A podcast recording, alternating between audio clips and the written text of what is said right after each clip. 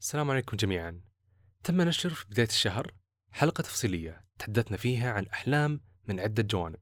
الآن في هذه الحلقة القصيرة راح نتحدث عن موضوعين مختلفين. أولا راح نتحدث عن الكوابيس وأسباب حدوثها. ثانيا راح نتحدث عن ظاهرة المشي خلال النوم. بداية راح نبدأ بموضوع الكوابيس. يلا نبدأ. نتساءل عن مختلف جوانب حياة الإنسان. كيف حدث ذلك؟ من أفضل الطرق لفهم الحالة الحاضرة أن نحيطها بعدد من الأسئلة كل شهر نتحدث عن موضوع مختلف بشكل مفصل وشامل ما هي السعادة وكيف نحققها؟ لماذا نحلم؟ وما الذي يحدث في الدماغ أثناء الحلم؟ كل هذا وأكثر في محتوايز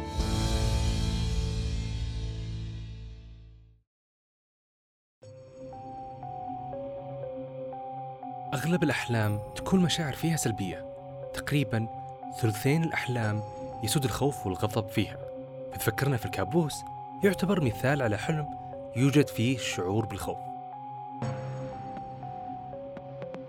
لكن لا يختلف الكابوس كثير عن بقية الأحلام بمعنى أنه يحصل في مرحلة النوم في نفس المرحلة التي يحصل فيها الحلم وهي تسمى مرحلة حركة العين السريعة. إلا أن الشيء اللي يميز الكابوس هو أننا نشعر بالخوف بشكل جدا كبير مقارنة بالحلم. لكن مو كل الخوف يكون في نفس المستوى في بعض الأحيان ممكن يشعر النائم بخوف جدا شديد لدرجة العرق هبوط مستوى الضغط الاستيقاظ من النوم وأيضا الصراخ. هذا النوع من الخوف في النوم أبدا ليس بحلم عادي ولكن يعتبر اضطراب نومي. ممكن يعرفها البعض بما يسمى رهاب الليل أو هلع النوم بعكس الكابوس. الاضطراب هذا يحصل في الأغلب في مرحلة نوم مختلفة عن مرحلة النوم اللي يحصل فيها الكابوس.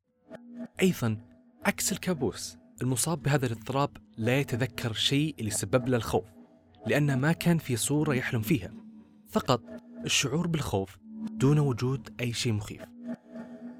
يعتقد بأن سبب هذا الاضطراب هو عمل الجهاز العصبي بشكل جدا عالي مقارنة بالشخص الطبيعي. يعتبر هلع النوم اضطراب نادر وعادة يكون في الأطفال لكن قد يصيب الكبار أيضا. بما أننا تحدثنا عن اضطراب هلع النوم والفروقات بينه وبين الكوابيس الآن راح نرجع نتحدث عن الكوابيس. أولا إيش أسباب حدوثها؟ الإجابة هو أن أسباب حدوث كوابيس كثيرة ومختلفة منها أن الشخص ينام في وضعية غير مريحة أو الشخص يعاني من ضغط نفسي أو توتر أو قلق. من الممكن أيضا يكون سبب أعراض جانبية لبعض الأدوية.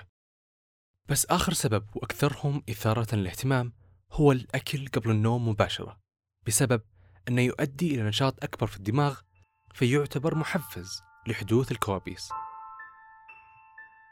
ختاما بالنسبة للطرق لتقليل حدوث الكوابيس وعلاجها تعتبر تفصيلية وجدا كثيرة. بالتالي تحدثنا عنها بشكل كامل في مقالة في موقع محتوايز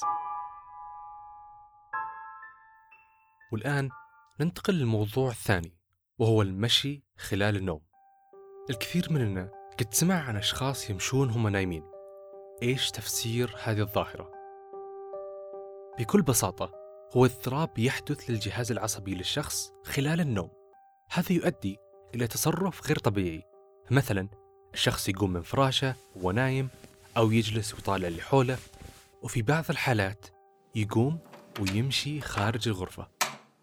خلال حدوث هذا الشيء الأشخاص يكونون غير واعين فيكون اللي نايم هو يمشي فاتح عيونه لكن لا يستجيب لأي حديث مع حوله أو ممكن يستجيب برد غير واضح. البعض منهم يمشي للثلاجة ويأكل أو يشرب. وهو غير واعي. في أحيان نادرة ممكن الشخص وهو نايم يركب السيارة ويسوق أو يعتدي على الآخرين ويأذيهم. لكن المثير للاهتمام أنه غالبا لما الشخص يصحى في الصباح أبدا لا يتذكر أنه كان يمشي وهو نايم. التساؤل الآن هو متى يحدث عادة المشي خلال النوم؟ يحدث هذا الاضطراب لما الشخص ينتقل من مرحلة النوم العميق لمرحلة النوم الخفيف. وبالنسبة للوقت يكون غالبا خلال الثلث الأول من وقت النوم. ويستمر عادة لأقل من عشر دقائق. وبالنسبة للعمر اضطراب المشي خلال النوم يحدث غالبا للأشخاص اللي أعمارهم بين أربعة إلى ثمان سنوات. ولكن من الممكن يحدث للبالغين أيضا. إيش الأسباب اللي تؤدي لحدوث هذا الاضطراب؟ لعدة أسباب مختلفة. مثلا الضغط النفسي والتوتر أيضا قلة النوم وكمان ممكن يكون سبب حدوثه هو الجينات. بمعنى أنه إذا أحد من أهلك يعاني من هذا الاضطراب تكون احتمالية إصابتك عشر أضعاف. أخر الأسباب هو أنه ممكن يحدث بسبب الأعراض الجانبية من استعمال بعض الأدوية. ختاما إيش تعمل لو أحد في البيت يعاني من اضطراب المشي خلال النوم؟ بداية لازم يتم التأكد من عدم وجود أي أخطار ممكن تؤذي سلامة الشخص فمثلا يتم إزالة أي أدوات حادة من الغرفة. لكن النقطة المهمة هي أن من الخطأ جدا أنه يتم إيقاظ الشخص بشكل مرعب أو إجباره بغضب. الطريقة الصحيحة هو أنه يتم توجيه الشخص بكل هدوء للغرفة. جميع المصادر اللي تم استخدامها لإعداد هذا المحتوى موجودة في الرابط في الأسفل. وأيضا بإمكانكم التواصل معنا على حسابنا في تويتر وأيضا موقع محتوايز. في حال كان عندكم تساؤلات عن المواضيع اللي تم ذكرها حتى يتم الإجابة عليها.